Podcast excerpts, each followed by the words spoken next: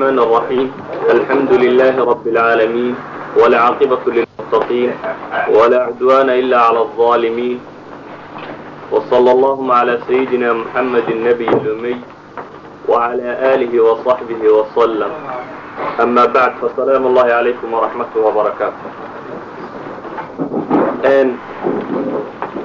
maanta laga bilaabo haddii alla yidhahdo waxaan jecellay inaan ka waranno mawduuc ku saabsan annadariyaat asiyaasiya fi lxukm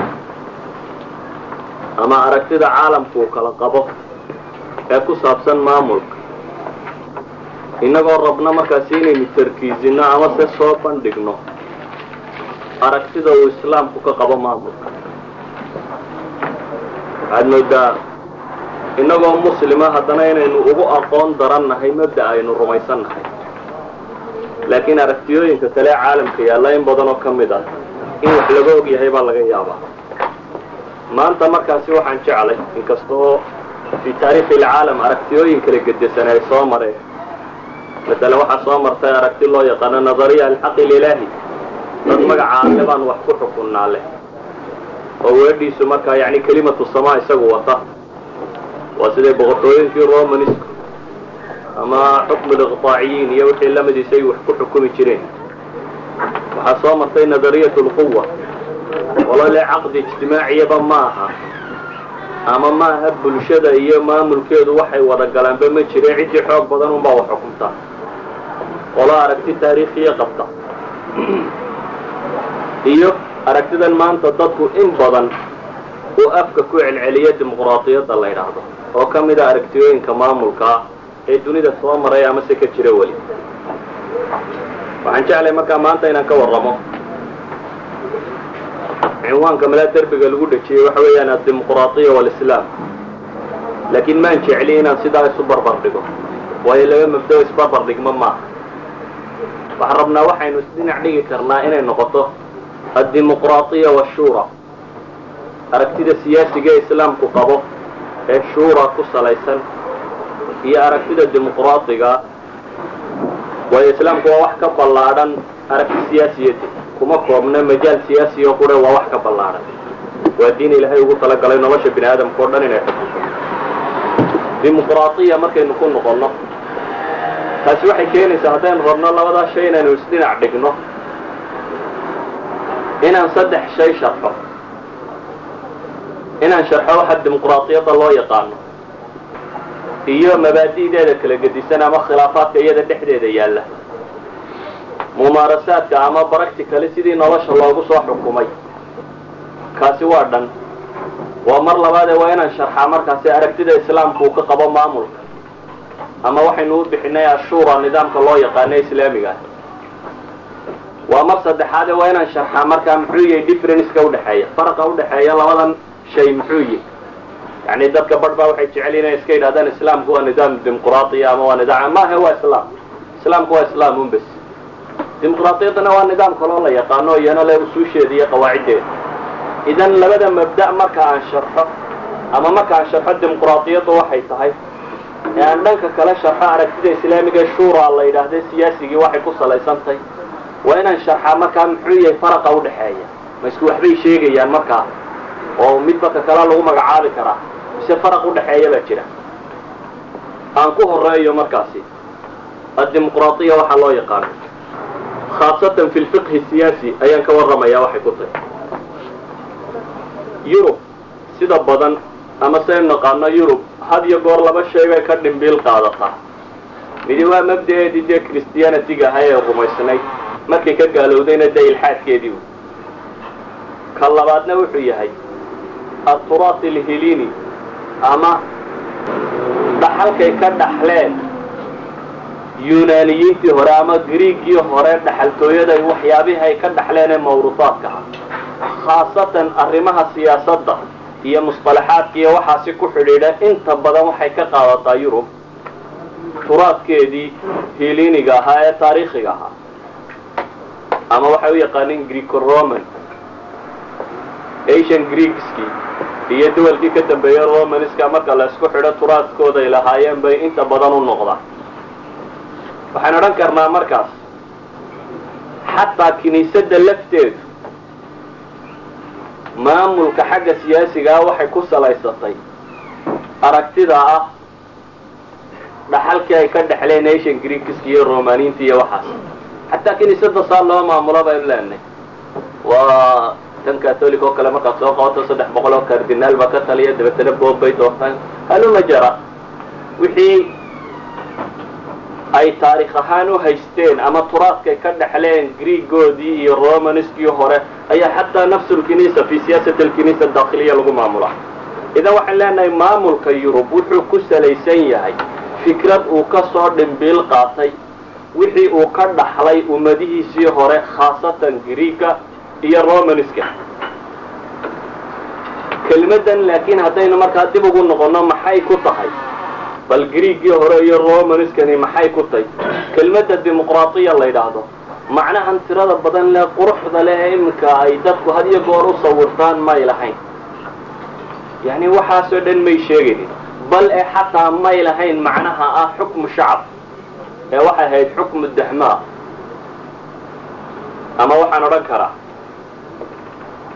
dimuqraadiyadda maanta reer galbeedku waxay ku tilmaamayaan waa xukumka ah caqdu ijaara bayna ashacbi waalxaakim liyaxkuma binnidaami aladi yasifuhu lahu shacb waa caqdi bay yidhaahdeen kiro oo u dhexeeya shacabka iyo xaakimka oo la faraya xaakimku inuu wax ku xukumo qaabka ay shacabku u tilmaamaan. Ah iyo dimuqraadiya bay yidhahdaan qaanuunka markaa ama waxaan qaanuunka loo yaqaana ee lagu dhaqmayaana waa tacbiir can iraadati shacab bay yidhahdeen waa wax ka cabiraya un doonista shacabka ama shacabku wuxuu doonay. Laakiin waxayn leenahay marka loo noqdo dimuqraadiyadii hore ama asalka meesha ay arrintani ku leedahay asian greekiski may aqoonin wax loo yaqaano dimuqraadiyad oo ah nidaam dastuuriya asliya.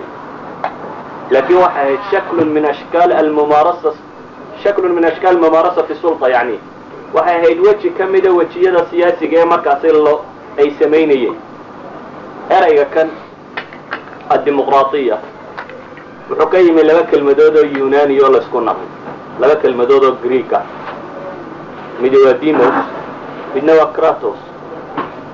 Demos waa bimacna shacab. Kratosna waa bimacna sulta. Democratos marka laysku xidhiidhiyana waa sultati shacab. Waa suldadii shacabka. Erayga macnihiisu afka greega wuxuu ku yahay macnahaasi. Oo ah labadaa eray ee laysku rakibay. Ee midina ay sulta ama baawer la mid tahay midina ay bulsho ama shacab la macnatay ee marka laysku xidhana macnuhu uu yahay awooddii shacabka ama suldadii shacabka. Waxaan leenahay markaasi yunaaniyiintii hore waxay iyagu isticmaali jireen. Muu ahayn shay siyaasiya oo dastuuriya ama dastuur leh laakiin wuxuu ahaa qaab ay u mumaaraseeyeen ama se ugu dhaqmeen suldadii markaas. Waayo waxaynu rumaysannahayba awalu kitaab fi lcaalam la qoro ee fi lfiqi dastory laga qoro. Waa maa katabahu alcaalim lmuslim almaawardi maawarda ugu horreeya kitaab fiqi dastuuriya dunida laga qoraba lidalik yurub iyo yurub iyo dhankeeda tan lama aqoonba wax loo yaqaano alfiqh dastuuri waa mas'ale mar dambe iyaga u timiba waxaan leenahay marka waxay ahayd aragtida tani. Aragti ku saabsan inay magaalo meel u baxdo kiyaanaad siyaasiyo yaryar inay wax isku xukumaan. Waxay ka bilaabatay magaalo la yidhahdo sbirta magaaladaa yar ee waddanka greega ku taalla dadkeedii waxay qaateen waxaan dimuqraadiyadda loo yaqaano dimuqraadiyadda magaaladaas ay qaadatay waxay ahayd waxay rumaysnaayeen wax loo yaqaano xukuumat lmadiina ama dawladdii magaalada. Dawladda yar ee magaaladu waxay ahayd in banaanka ay isugu baxaan shacabka magaalada yar oo dhami. Dabeetana halkaasaa qaanuunka laga soo saaraa wax lagu xukumaa xeerka laga fuliyaa wax walba. Saddexda suldo oo dhami isku mid quray ahaayeen qoladaa yare halkaa u fadhiisato markaasi waa xeerbeegtii un tuulada meel ugu baxday. Dabeetana go'aana gaadhay. Waxay gaadhana markaasi magaalada lagu fuliy markay muddo jirtay waxaa nadariyadii ay u sii sidii bay ku dhaqmeen tuulada yare laakiin mumaarasaadkaasi shacbiga ah ay dadku ku dhaqmeen may ahayn awalan mumaarasa yacni ka timid fikrad ama falsafa ama mabdac inay aaminsan tahay. Ee wuxuu ahaa un dhaqan ay dadka kale iska sameeyeen. Weliba waxaan odhan kara cahdigaasi falaasafadii joogtay aad bay u ceebayn jireenba arrinta dimuqraadiyadda loo yaqaano matalan falaasafadii suqraat aflaton actinio aristo shisharo dhammaantood way naqdiyeen aragtidii dimuqraadiga ahayd ee waagaasi ay haysteen waddanka greeg yani ma ahayn qadiya xataa falaasafadooda ay rumaysantahay magaalin baa kaynta isugu qaxday dabeetana halkan fadhiisatay waa xukuntay. Dabeetana waa lagu dhaqmay waxaanay u bixiyeen dimuqraadiyad waxaana lagu xukumayey magaalo qure waddan may ahayn ama se aragti siyaasi ballaadhan may ahayn. Naqdiga qolada tani ku naqdinayeenna koo waxaa ugu horraysay. Waxaana wadaan tuulun baa lagu xukumi karaaye ma aha wax ummad lagu xukumi karo. Taaniyan waxay lahaayeen waa xukmu lqawqa waxaana wadaan waa yani bulshadu had iyo goor dad umiyeen ama dad aan wax garanay ama dad aan siyaasa si fiican ula soconin ba u badantay. Saa daraaddeed waxay lahaayeen waxaana kaynta la fadhiisateen. Waa uun qawqaagii magaalada inta isugu yeedheen un waxgooyay ma ahabay taagnaayeen ma mabdaa la qaadan karo. Waxay taasi keensatay markay falaasafadoodii ka soo hor jeesatay isla markaasi ay noqon weyday inay tuulo ama si magaalo dhaafto inay yurub dimuqraadiyadda wixii la odhan jiray ay ilowdo kun sannadood baan cid dambe soo hadal qaaday. Alfa sana dambe ayaan laga maqan dunida korkeeda ama reer galbeed wax dimuqraadi la yidhahdaba waxay noqotay markaa aragtiya oo aan socon karaynin saasi daraaddeed bay ku dhaafeen.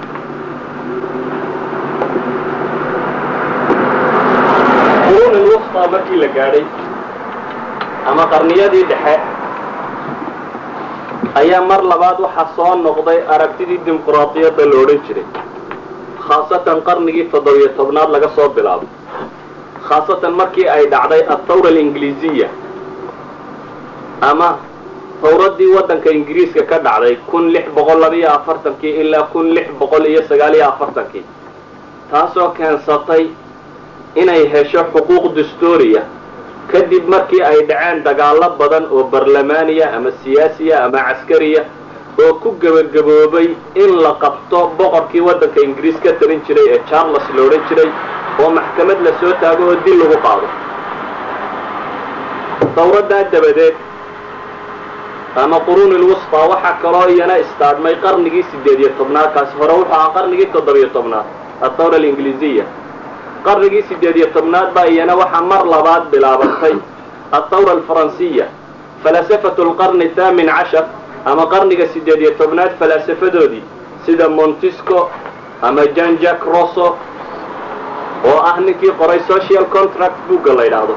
Social contract waa bug ay u bixiyeen inuu yahay injiil thawra faransiya ama injiishii biblekii tawradda faransiiska. Yacni meeshay ka dhimbiil qaadanaysay wuxuu ahaa bay yidhahdaa buuggu qoray ninkaasi la yidhahaa jan jack rosso isku daro falaasafada qarnigaa sideed iyo tobnaad iyana waxay bilaabeen inay fikradda tan mar labaad soo celiyaan taasaa keensatay markaasi inay dhacdo athawra alfaransiya kun toddoba boqol sagaal iyo siddeetankii ilaa kun toddoba boqol saddex iyo sagaashankii thawra alfaransiya oo iyana ku gebagabowday in boqortooyadii laga takhalluso jamhuuriyadna la sameeyo ummaddana dastuur loo qoro dastuurkaasna lagu iclaamiyo waxa loo yaqaano alxuquuq alinsaaniya laguna sugo mabda'a la yidhaahdo sinaanta fi lxuquuqi walwaajibaat yacni almusaawaa in la helo mabda'a oo ku saabsan xuquuqda iyo waajibaadkaba in lagu siman yahay.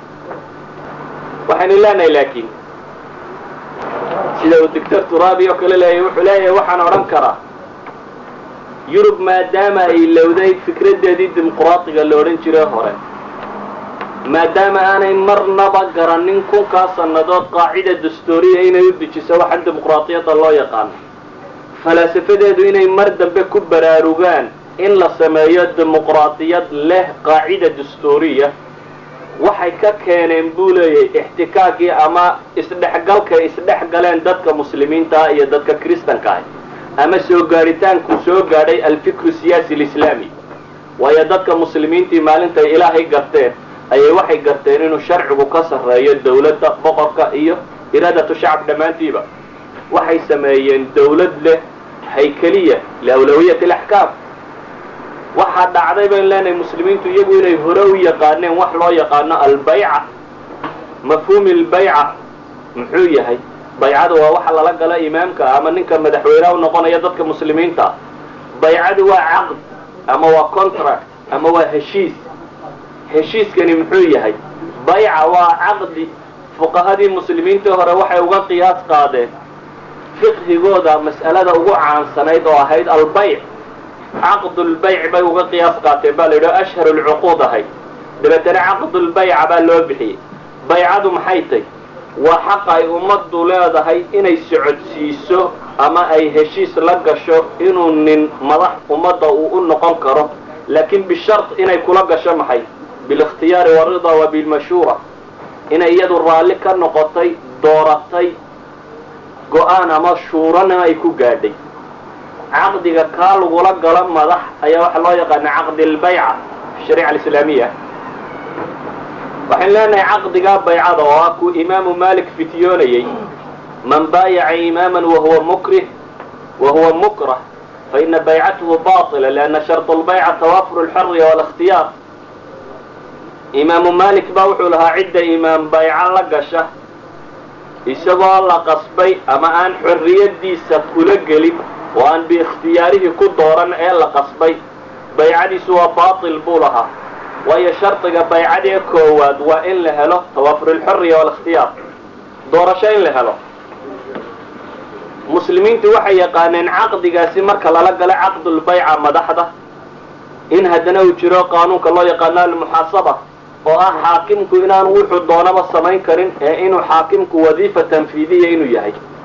Wadiifo shaqo fulinaysa inuu yahay ama nin shaqaala oo shaqo fulinaya oo weliba lagu xisaabinayo shaqadu fulinaya inuu yahay. Almuxaasaba waa qadiya yacni dadka muslimiinta agtooda mas'ala badiihiya ka ahayd waayo waxa qof walo muslima ma rumaysnaa siduu nebigu tilmaamayay inuu mid wal oo muslimaba yahay. Mas'uul uu qof waliba mas'uuliyaddu inay gaarkiisa u saarantay. Waxaynu garan karnaa yacni muslimiintu xadkay ka taagnaayeen in madaxda markaasi uu yahay nin shaqaale oo caadiya oo la xisaabinayo qaanuun iyo dastuur lagu doortay oo hadduu khilaafo lagu xisaabinayo. Cumar bin alkhadaab baa maalin maalmaha ka mida istaagay. Dabeetana intuu hadlay buu yidhi ismacuu atiicu hallay maqlo hallay adeeca buu yidhi. Salmaan alfarisi saxaabiga la yidhaahdaa intuu istaagay wuxuu yidhi lagumana adeecayo lagumana dhegaysanayo ilaa aad ka warranta buu yidhi. Maradan dheeraadka adigu xaggaad ka keentay. Waa imaam almuslimiin baa waxaa lagu xisaabinayaa xoolihii dadka muslimiinta oo la leeyahay. Xaq qof waloo muslimiba markii ay fayga ama haniimadii la qaybsaday qaybtii loo yeyeeshay qayb ka badan baad adigu guntantaa la yidhi. Cumar nin dheer buu ahaa. Maadaama uu nin dheer ahaana marada gobolkiisii uu helay kuma fillayn maro dheer oo dee wada qaranaysana uu guntan yihi dabeetana waxa salmaan alfarisi uu yidhi laguma dhegaysanayo marka hore eh marka ka waran maradan dheeraadka adigu xaggaad ka keentay. Cumar markaasuu yidhi wiilkiisiioo meesha fadhiya cabdillaahi bni cumar. Cabdillaahi bni cumar oo u warran. Cabdillaahi bni cumar baa warrama wuxuu yidhi aabbahay waa nin dheero gobolkiisii wuu ku fillaan waayo anaa gobolkaygii ugu daray buu yidhi. Oo anigu mara ma haysto. Maradan dheeraadka uu sitaa waa taydiyo anaa ugu daro markuu isku toshay muri lana nasmac wa nutiic buu yidhi markaa salmaan hadda wax dheh haddaba haddaa lagu aqbalayaa buu yidhi oo lagu dhegaysanayahay yacni may ahayn madaxda inta la saaro un la iskaba tegi jirin. Ee madaxda waxay ahaayeen kuwo la xisaabiyo. Awalan markaa alfiqi siyaasi dadka muslimiinta ay rumaysnaayeen waxay ahayd in bayco lala gala imaamka oo baycadan ay ku timid bilikhtiyaari waalrida wa bilmashuura inay ku timaado in isla markaasi muxaasaba la leeyay oo waa wadiifo waa nin shaqo la qorayo shaqada tan in lagu xisaabiyo wuxuu xumeeyo iyo wuxuu wanaajiyo idan yurub laakiin waagaas iyada fikradda taallay waxay ahayd ama medieval periodka waktigay ku sheegaan qurun ilwusfa qarniyadii dhexe waxay ahayd qarniye ay yurub madoobay oo waayo federal systemkii baa dee lagu maamuli jiray xukmu liqtaac dadka iyo dhulkaba nin baa isku lahaa dhul walba nin baa lahaa iyo dadka deganba dabeetana boqorkuna wuu u sii wada talin jiray. Boqorku wuxuu yidhaahdaa baa socon jiray isagoo can ariiqi liqtaaciyiin la sii marayo. Shacabkuna wujuudba ma lahayn wax jira iyo ummad toona ma lahayn karaamo iyo xuquuq toona ma lahayn. Sidaa daraaddeed ummaduhu had iyo goor marka ay isdhex galaan wax badan bay isku raadeeyaan. Maanta yacni ummadda reer galbeed dunida way ka yaro xoog badantay. Taasaa waxaa dhalisay in aaraadeedii iyo afkaarteedii dunidao dham ay ku hadaaqdo maanta meel kastoo dunida aad joogto waxaad maqlaysaa mid leh dimuqraadiyad baanu raadinaynaa maxaa keenay dadku inuu dimuqraadiyadda ku wada hadaaqo. Waxaa keenay xoogga yurub.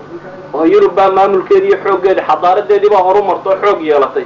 Taasaa markaa dadkii kale cuqdatu naqas ay ku dhacdo iyagun kaga daba hadaaqeen fakadalika almuslimuun fii casrihim waxay ahayn adawla alawal baynu dhi fi lcaalam saynu hore uga soo warranay lidalik gariib ma aha inay afkaartii dadka muslimiinta ay rumaysnaayeen inay gudubto oo ay yurub u soo gudubto maadaama ay muslimiinta andalus iyo dhulkan oo dhan iyagu xukumayeen yurubna boqorku wuxuu ku xukumi jiray waxa loo yaqaano alxaq ililaahi nazariyat alxaq ililaahi almuqadas baa yurub taallay oo ah in dadku ay rumaysayiin boqorku inuu hadhkii ilaahay yahay hadalkiisu markaa inuu amar yahay amarkiisuna inuu muqadas iyo aan la soo celin karin. Weliba kiniisaduna saasay la dhinac taagnayd kitaabku ay lahayd sidaa boqorku yeelay waa in la yeelaa. Markaa dadku muu lahayn wax hadala ama wax ka soo celina waxaan leenahay fikradda dan ah inuu soo baxo alqanuun dastuuri ama qaacida dastuuriya inay yeelato dimuqraatiyaddu. Waa fikrad ka soo tallowday dadka muslimiinta ah. Kadibna waxaa dhacay falaasafadii reer galbeed inay ku dhawaaqeen mas'aladatan. Si shacabku uu xorriyad u helo. Madaalimtii tirada badnayd ee yurub taallay iyo falaasafadooda dhawaaqoodii ayaa waxay sababtay iyo dad aqraad leh qaradkooda markaynu ku darno oo capitalismko isna meesha joogay oo dee raba iqtaaciyiinta inuu qallibo markaynu isku darno waxaasoo dhan baa waxay sababeen athawra alfaransiya.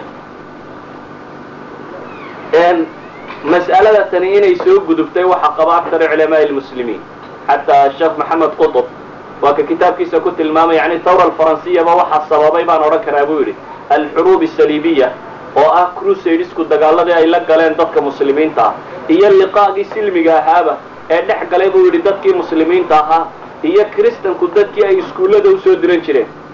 Sidaynu innagu intaynu iskuullada reer galbeed scholarshipka laynooga siiyey ay u soo noqdeen qolada siyaasiyiinteeno iyagoo dimuqraadiyad iyo wax sheegaya ille markii ay xaggaa joogay waxba may garanaynin.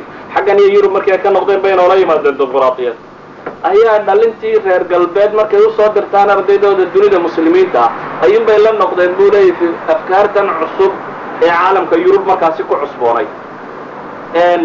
Laakiin waxaan leenahay yurub alfikri siyaasi alislaami siduu ahaa umay wada qaadan.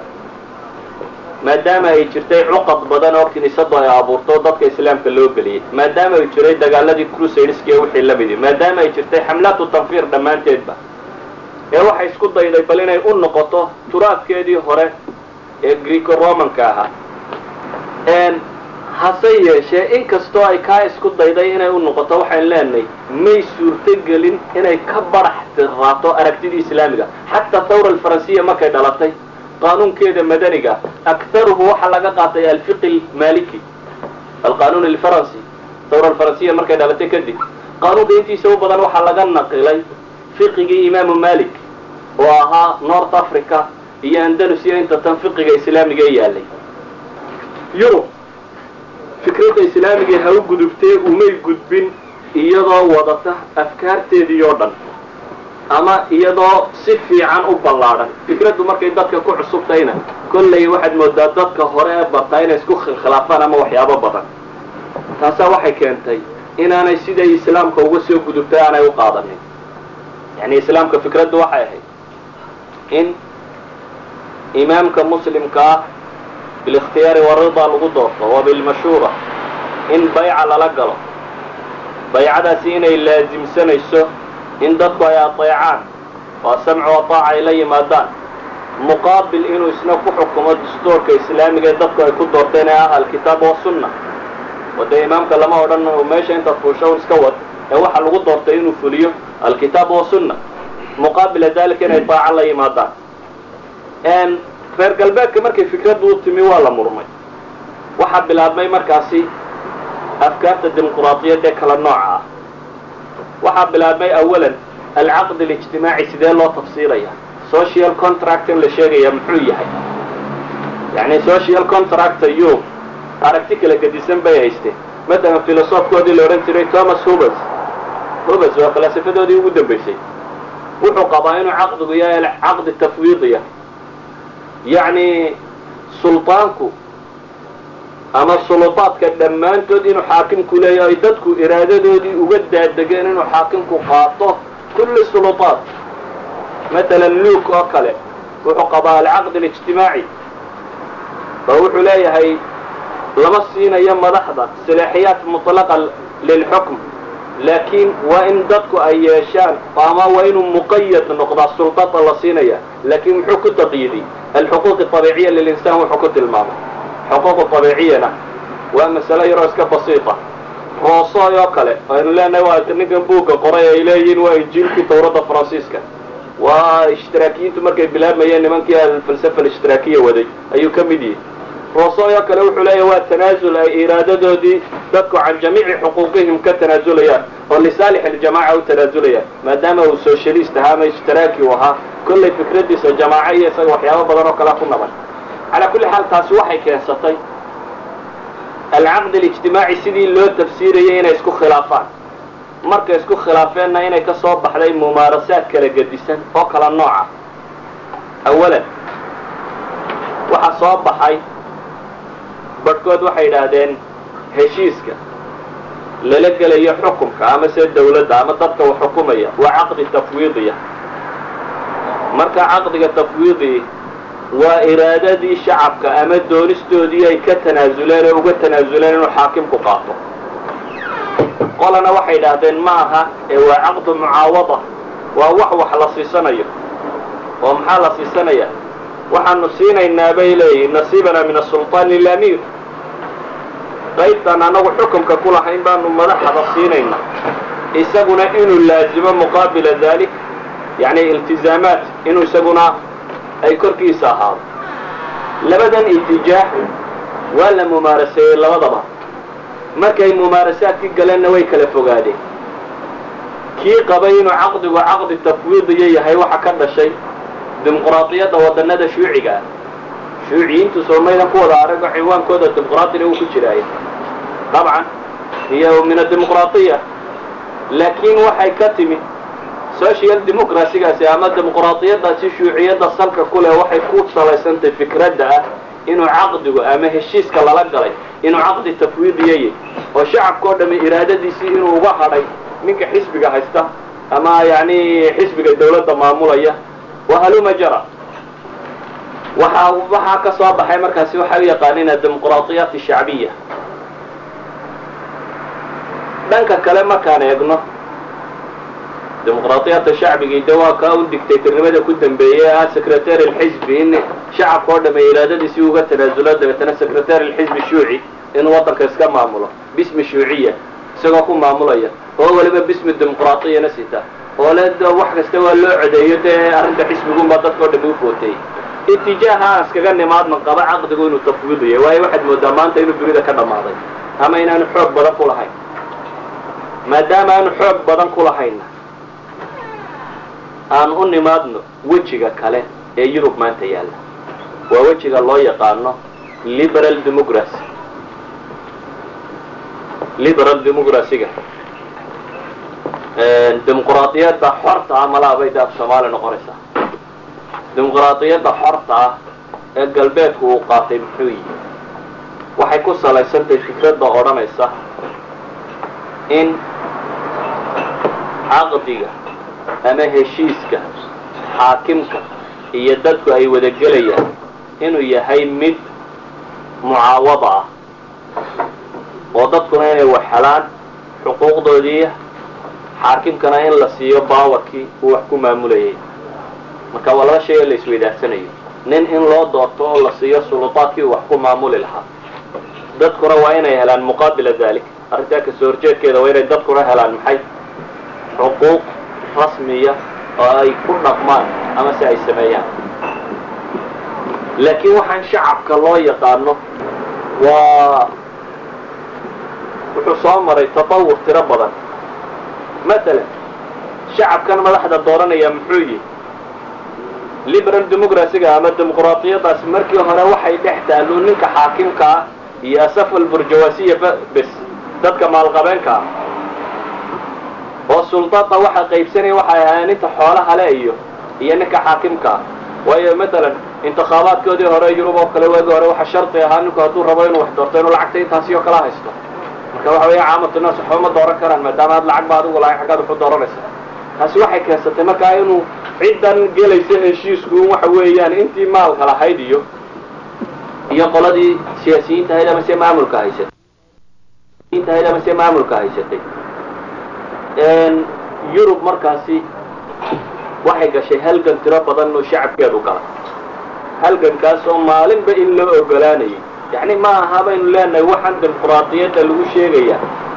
Falsafad inta cidi fakertay dabeetana fikrad filosof ka timiya dabeetana la isku dayo in la dabaqo ma aha.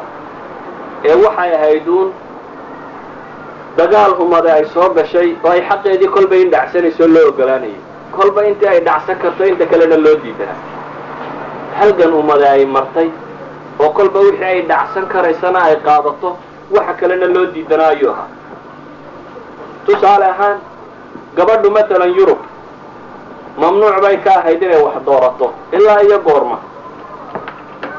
Matalan waddanka ingiriiska oo kale waxaa la ogolaaday gabadhu inay codka yeelato kun sagaal boqol iyo sideed iyo labaatankii matalan waddanka faransiiska oo kale waxaa la ogolaaday dagaalkii labada dunidu markuu dhamaaday kun sagaal boqol iyo shan iyo afartankii matalan waddanka switzerland oo kale waxaa la ogolaaday kun sagaal boqol iyo koob iyo toddobaatankii idan niqaabaadka ama ururadan yaryare halgama ay wadaan oo ay halgamayaan oo dawladdan iyo waxa lala loolamayo oo kolba in laga dhacsanayo bay ahayd ee may ahayn fikrad inta la fekero ama mabda la leeyahay mabda waa kaasi saatan ha loogu dhaqmo.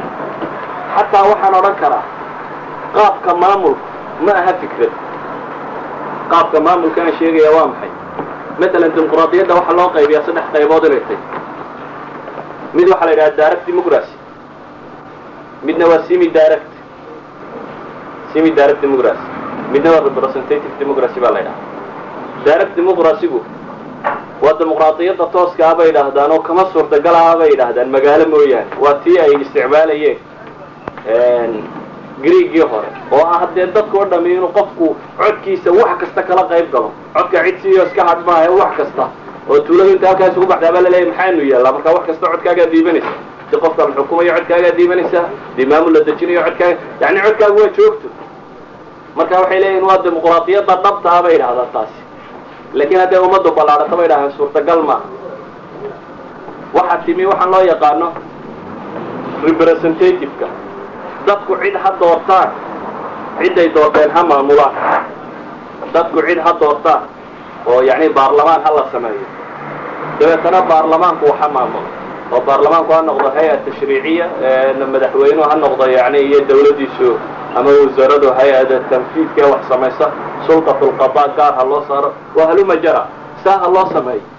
Xataa fikraddaa lafteedu ma aha fikrad inta la fekeray ka timi filosof ama nin politically u fekeraya intuu fekeray wax soo baxay maaha. Waa dagaal umadeed ba iyada lafteedu ku timi. Matalan markaan qabanno waddanka ingiriiska ingiriiska saa u taqaanin mooyaane ilaa hadda male waxaa loo yaqaano distoor mudawala distoor qoran male waddanka ingiriiska actis waxa la yidhahda wiilayo kolba soo baxa. Laakiin ummadda ingiriis waxa u distoora dhaqankeeda. Markaa dhaqankaa la ilaaliyaa yani hidiya dhaqan waxay ummadda u leedahay ayaa distoor u ah.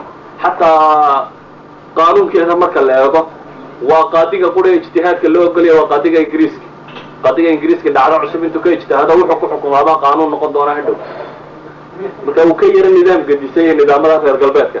Awal ciddii isticmaashay inay samayso waxaan loo yaqaano baarlamaanku waa waddanka ingiriisku ha laakiin siduu ku yimi.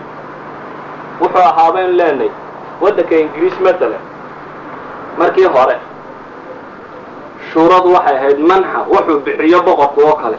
Yacni boqorku maalmaha qaarkood inuu dadka qaar isaga yeedho odayaalo dabeetana uu la shiro. Hadduu doonana uu iska diidade marka waxay dhahdaan wuxuu la shiri jiray dadka wajahaa yani odayada iyo maalqabeennada iyo rijaalu diinka wadaadada iyo waxaasba intuu isugu yeedhaa buu la shiri jiray. Markii dambena waxay noqotay in majaalis loo sameeyo. Majliska kani wuxuu noqday markii dambena in la kala bixiyo laba majlis laga dhigo. Ilaa iyo arrintii waxay gaadhay in boqorka shaqada laga saaro markii dambe. Maxaa keenay in boqorka shaqada laga saaro? Matalan kun toddoba boqol iyo afar iyo tobankii markuu xukumayay george defers george ilawel ninkii la odhan jiray ayaa waxaa dhacday boqorkaasi af ingiriisiga mu aqoon. Yani boqortooyinka yurub intay kala guurguursadaan baa waxaa dhici jirtay nin quri inuu dhaxlo afar waddan oo yurub ka mida boqortooyadeeda. Dabeetana waddan aanu afkiisaba aqoon uu boqor u noqdo. Marka george kii koowaad oo kale mu aqoonin af ingiriisiga. Taasi waxay keensatay inuu doorto waxay u yaqaaneen alwasiir alawal ama waxa nimka loo yaqaano ra'iisul wasaaraha ra'iisul wasaaruhun baa markaa shirka fadhiista wixii shirarku ka dhammaadaan ayuunbuu taqriir ku qoran afka laatiiniga unbuu u soo gudbiyaa. Dabeetana taqriirkaasu iskaga gaabsan jiray. Markuu dhintay georgekii koowaad ayaa waxaa qabsaday kursigii boqortooyada georgeka labaad. Georgeka labaad kun toddoba boqol iyo toddobiyo labaatankii buu qabsaday. Laakiin isagana waxaa ku dhacday noobat min aljunuun wuu waashay. Markuu waashay ayay noqotay inuu wasiirkii wasiirul awalki iska yaro helo power xoogan oo uu waxyaabo badan iska isticmaali kara ila wuu waalayay ninkii waraaqaha loo geyn lahay. Markii dambena waabuu indhabeelo noobaadkii junuunkee ku dhacay indhala-aan baa u sii raacday. Taasi waxay keentay darafkii ra'iisul wasaaruhu inuu weliba sii yaro xoog bato. Waxaa qabsaday baa la yidhi georgekii afraad? Kun sideed boqol iyo labaatankii. Laakiin kaasina wuxuu ahaa malaa dhallinyaradeena dambe soomaaliyeed say u noosho kale nin u nool yacni qoladan intay habeenkii iyo waxaa soo jeeda iska tubato maalintii oo dhan hurudo ahaa. Wuxuu soo seexan jiray baa la yidhi lixda galabnimo ayuu soo toosi jiray. Cadceeddu markay sii dhacayso lixda galabnimo duhurka ka dambaysa ayuu soo kici jiray. Markaa waxaaba yidhahdaa nin iskaga dawaqsanba isagu tumasho iyo baabka. Taasi waxay keentay baa la yidhi weliba ra'iisul wasaaraha dhankiisii inuu sii xoog bato. Kun sideed boqol iyo toddobiyo soddonkii ayaa waxaa qabsatay gabadhii victoria la odhan jiray iyadoo sideed iyo toban jira dabeetana markay gabadhna noqotay inan yarna noqotay waxay noqotay in xukunka waxoogaa gacanteeda uu ka sii baxo.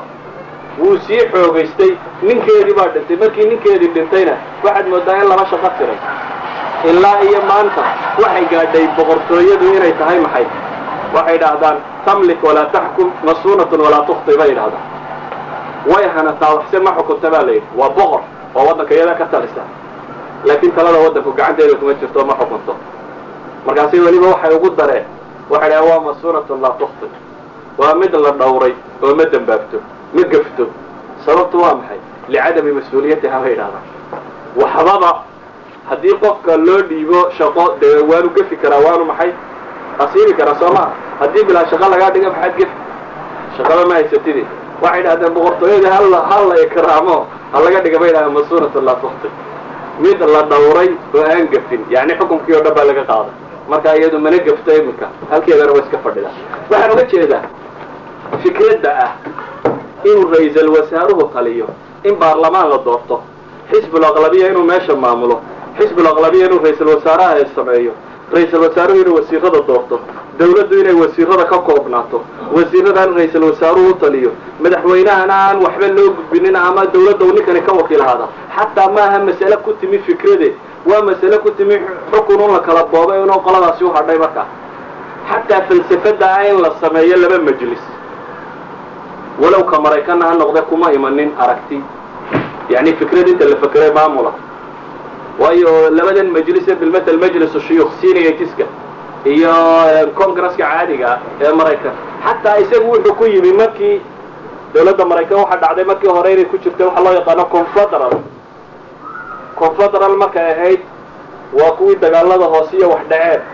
Waxay tijaabiyeen in dawlad ka xoog badan la samaysto ama u s a waxaan maanta loo yaqaano in la sameeyo. Dabeetana almu'tamar alwatani wax la yidhahdo bay isugu yimaadeen.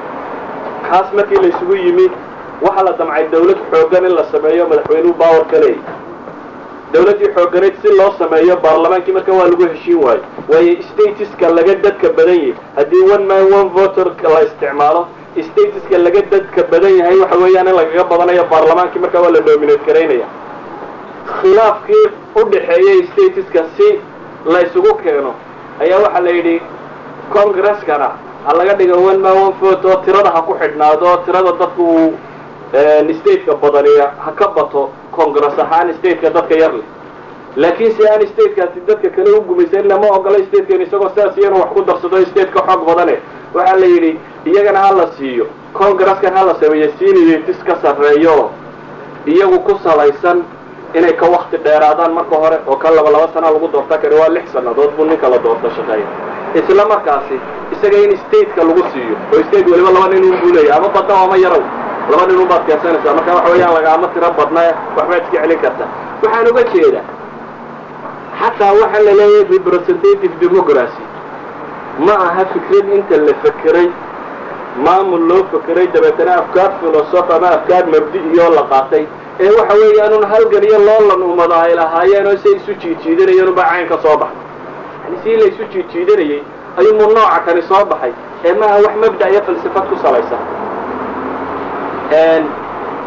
xataa waxaa la mida odhan karnaa representative democracygu noociyaadku u qaybsan yahay oo dhan. Matalan saddex nooc baa dunidu ku dhaqantaa saddexda nooc nooc waxa weeyaa nooca ra'iisul wasaaruhu taliyo. Oo waa kaa ingiriisku uu asalka u ahaa ee nidhi boqortooyadu sidii loo xoog xoogayay bay soo baxday. Noocna waa nooca madaxweynuhu taliyo. Oo waa kan maraykanka ku dhaqmo madaxweynaha toos baa loo doorta. Markaa baarlamaanku shaqo kuma le madaxweynaha iyo doorashadiisa dadkaa toos u soo doorta. Si uu u noqdo nin ka madax bannaan baarlamaanka iyo cidhiidhigiisa oo markaasi madaxweyne bawerle uu soo baxo. Midna waa nidaamkan jimciyaadka loo yaqaano oo ah saddexda sultada in meel laysugu geeyo. Yacni aragtida maanta dimuqrasigu ay ku faanto oo dhan marka laysku daro waa hal shay. Halkaas shay wuxuu yihi saddexda baawar in la kala saaro. Saddexda baawar in la kala saaraya waa maxay? Waa sulta tashriiciya qaanuunka cidda dejinaysa ayay baarlamanku inuu dejiyo iyo sulta tanfiidiya. Yaa dawladda ah ee maamul kale wax maamulaya. Hadday tahay noocan ra'iisul wasaaruhu ka taliyana dee ra'isul wasaare iyo wasiiradiisa iyo dee dawladdii kale hoos imanaysay hadday tahay noocan presidentialka ee maraykan oo kalena madaxweynaha iyo wuxuu doorto. Waayo madaxweynuhu waddanka maraykan isagaa doorta ra'iisul wasaareyaasha isagaa doorta wasiirada wasiiraduna ma ahaba dad baarlamaanka ku jira. Waa inaanu baarlamaan ku jirin ninka wasiirka loo dooranayo. Isla markaasi baarlamaanku ma casili karaan wasiirka maraykan. Waayo wasiirka maraykan gebigiisuba waa secretary baa la yidhahdaa. Madaxweyne xoghayo waa kuwan had iyo ku magacaaba. Xoghayayaal waxay u yihiin madaxweynaha taa macneed waxa weya madaxweynahana ergi kara keensana kara.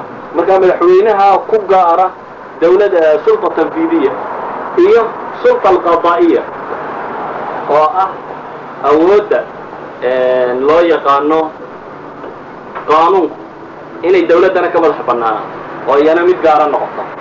Waxa ay ku faanaanay ugu weyne saddexdooda nidaamba marka la ysku daro waa mas'aladaasi. Waxaynu leenahay marka dimuquraadiyadda waxay ahayd halgan ummadi ay gashay. Dabeetana markii ay halgameen qolaba weji u baxay. Ama wejiga maraykankii ha ka soo baxo ama kan ingiriiska ha soo baxo ama kan faransiiska ha soo baxo ama kan switzerland lagaga dhaqmo. Switzerland yani waa nidaam ljimciya jimciyad waxa la yidhahdaa la doortaa sanad laba sanadood bay meesha haysaa. Jimciyadaasa saddexda sultaba leh. Halkii qoladan kale kala saarto saddexda sulto saddexda sultaba jimciyadaa leh. Jimciyaddu ninkay doortaan ma isma casili kara xataa isagu. Waa nidaam ka gedisan nidaamadan dunidu ku dhaqanto o dhan. Weligii meedan maqalinta badan iyadoo la hadal hayo. Ra'iisul wasaare ama madaxweynaha switzerland ba waxaa yidhi way ra'iisul wasaarihii waxa la yidhaahdo madaxweyne toona. Awood kuma laha waa nidaam ka gedisan intaba oo nidaam uljamciyaadka la yidhahdo soo duuduuba waxaynu leenahay waxa kani afkaarba maaha eh waa dhaqanno ummadi ay lahayd. Halganno ay soo gashay. Awoodda iyo siyaasadda laysku riix riixday. Dabeetana wejiyada tani ay ka soo baxeen. Waxaan leenahay markaa waagii hore waxay ahayd dimuquraadiyadda reer galbeedka taalle liberal democracyga la yidhahda dhammaanteedba wax u dhaxaysa nimanka lacagta leh ama burjuwaasiyiinta ah iyo qolada madaxda noqonaysa. Waayo ninkaana xoola haysani dee waxba ma dooran karayna kadib bay sii ballaadhan ilaa iyo ay noqotay dimuqraadiya liberaaliya shacbiya waxaynu ku sheegi karno. Oo xaqu taswiit codbixintii dad badan markii dambe loo ogolaaday. Korba sidii qole loogu ogolaanayo dadku u halgamayey ilaa dumarkiina markii dambe loo ogolaaday yani aragtidooda.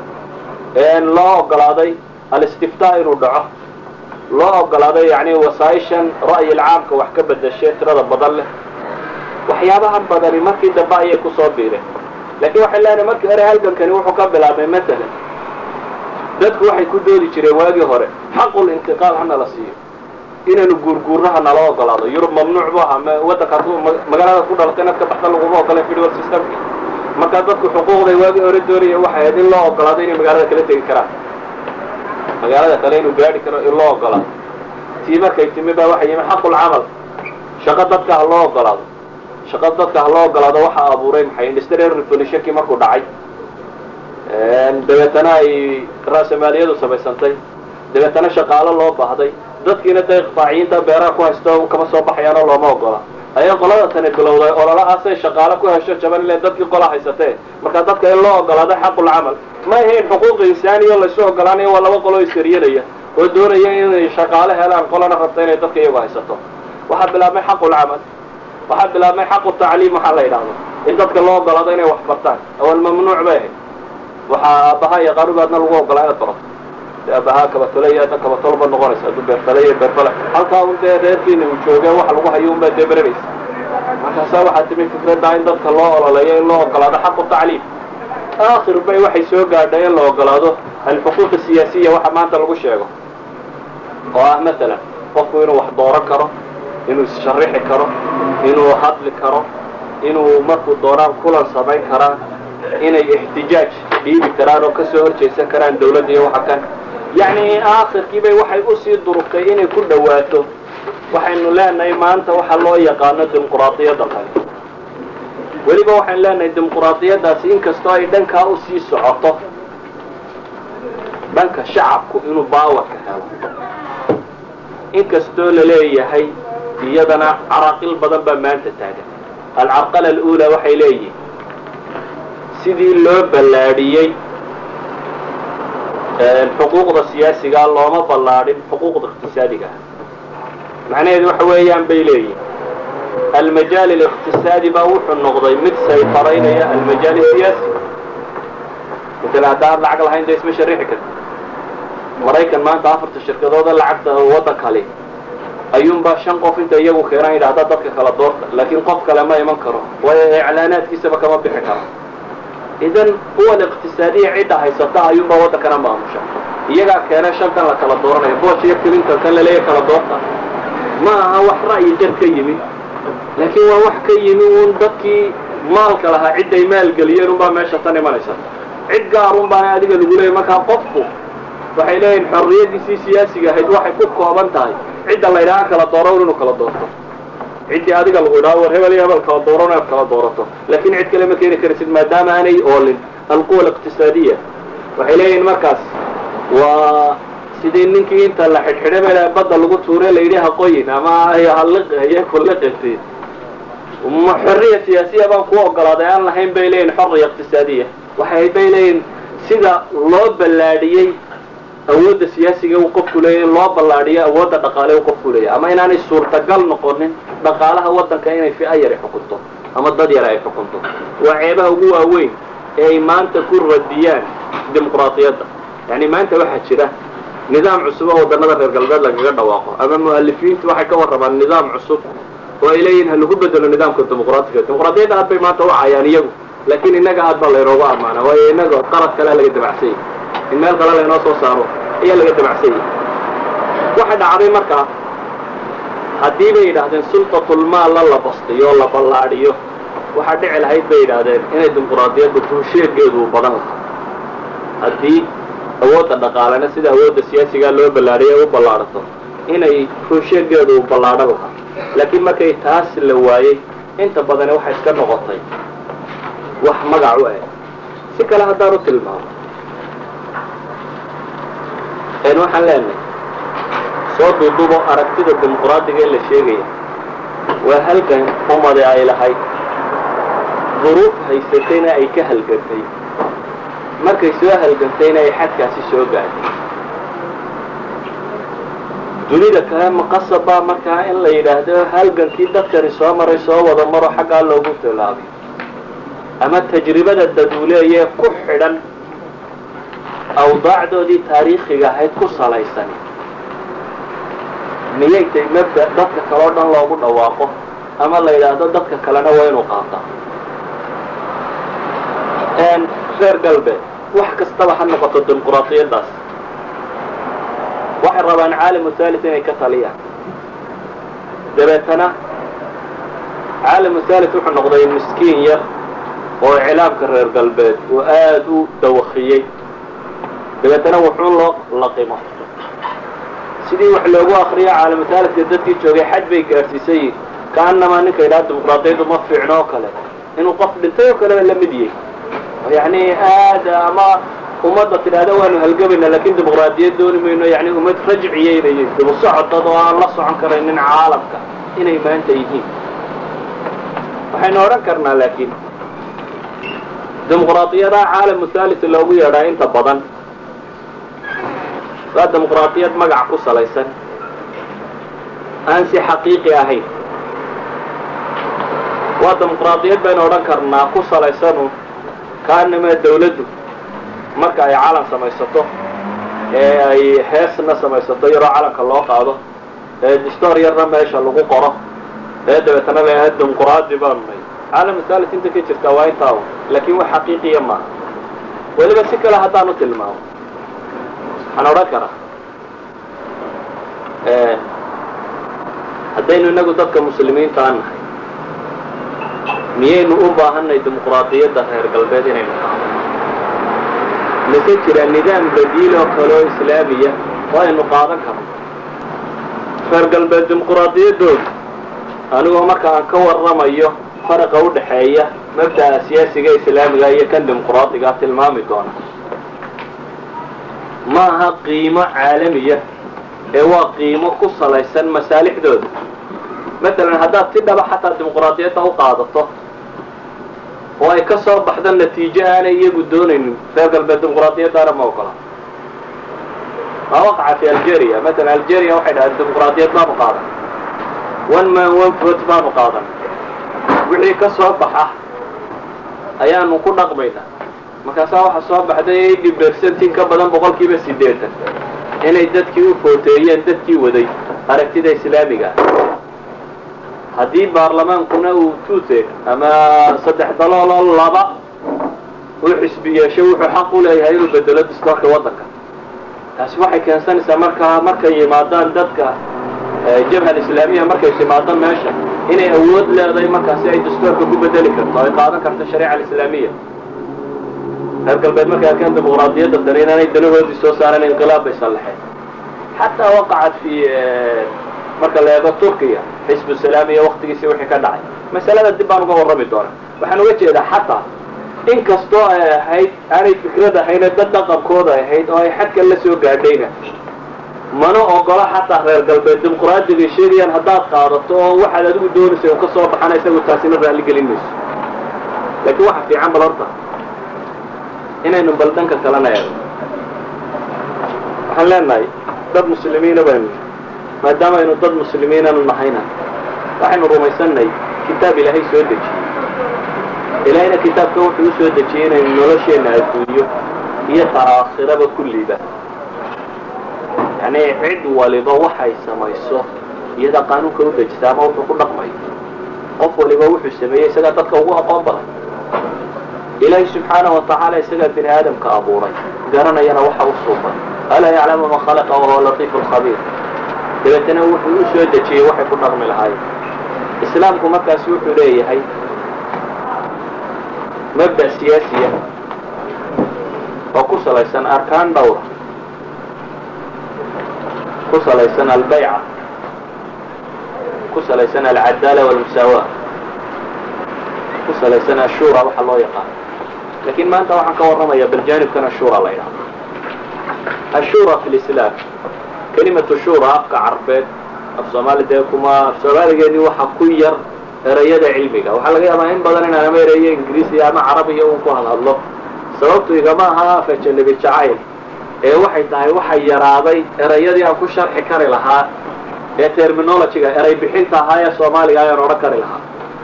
Male hadday badan yihiinna kolley aniga way gu yaryihin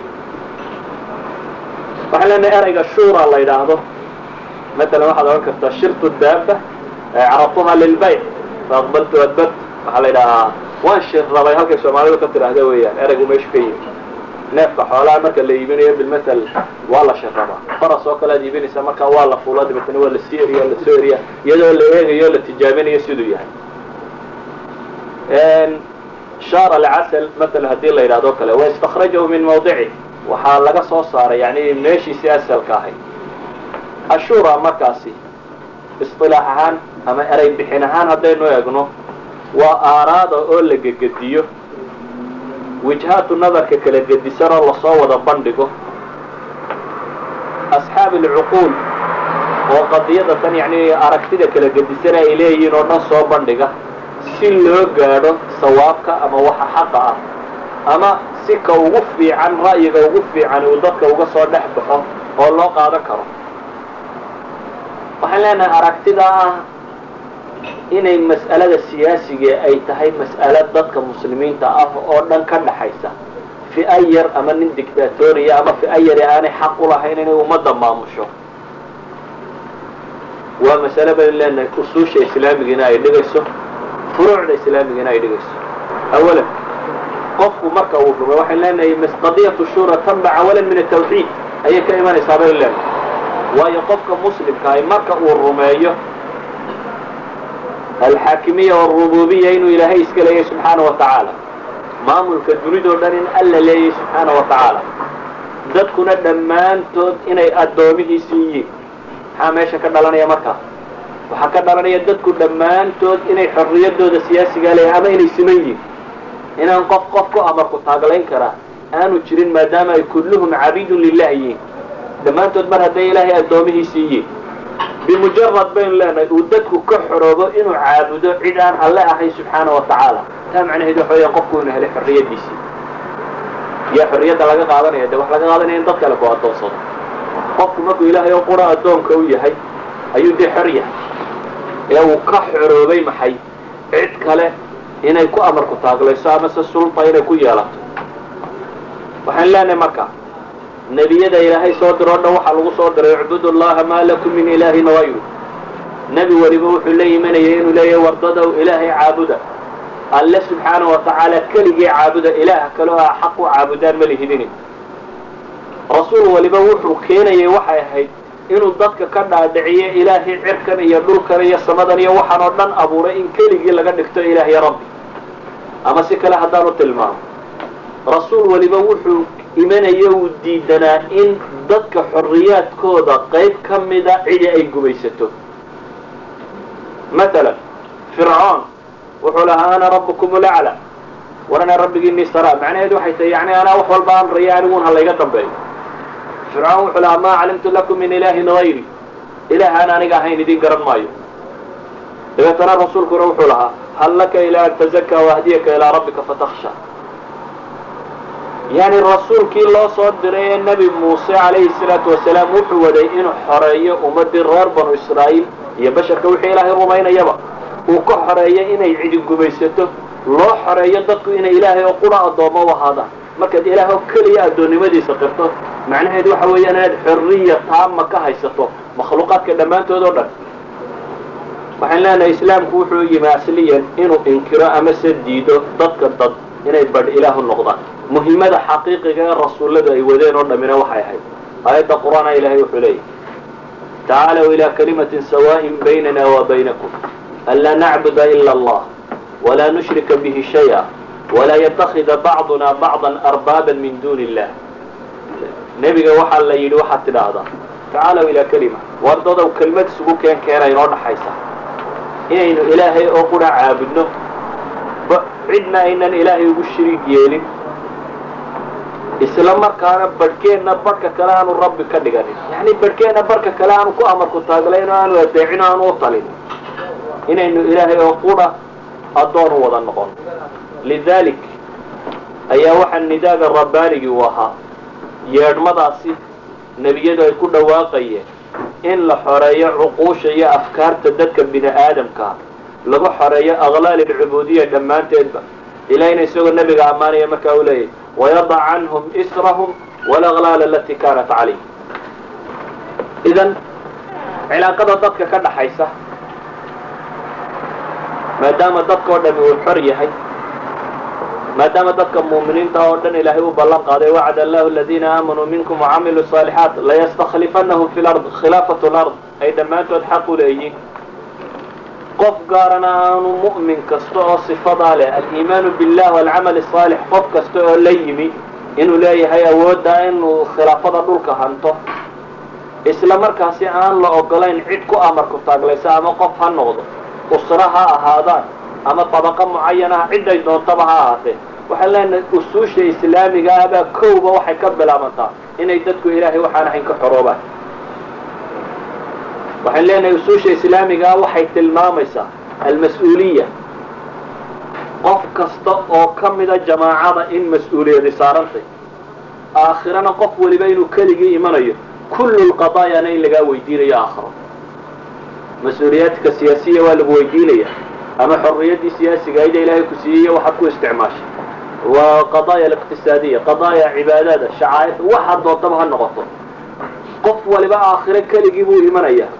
Nolosha masaa'ilka ku saabsan oo dhanna waxaad kaga jawaabtay waa lagu weydiinaya.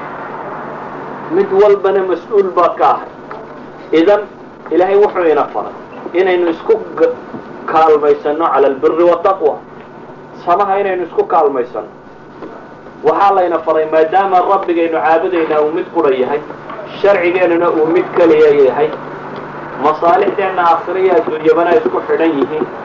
Waxaa layna faray markaas in aynu qadaayaadkaas oo dhan isku kaalmaysano. Taa macnaheedu waxay noqonaysaa qof waliba in mas'uuliyadi ay saarantay oo aanu qof quri hadduu ku amarku taagleeyo dadka aakhiro in qof walba la weydiinayo wuxuu kaga jawaabo lidalik ayaa shareecadu waxay tilmaamaysaa iyadoo lagu tilmaamayo xorriyadaada amase xuquuqdaada inaad mumaarasayso ayaa nebigu wuxuu leeyahy laa takunuu imaca ha noqonin buu nebigu leeya alayh salaatu wasalaam imaca imacu waa maxay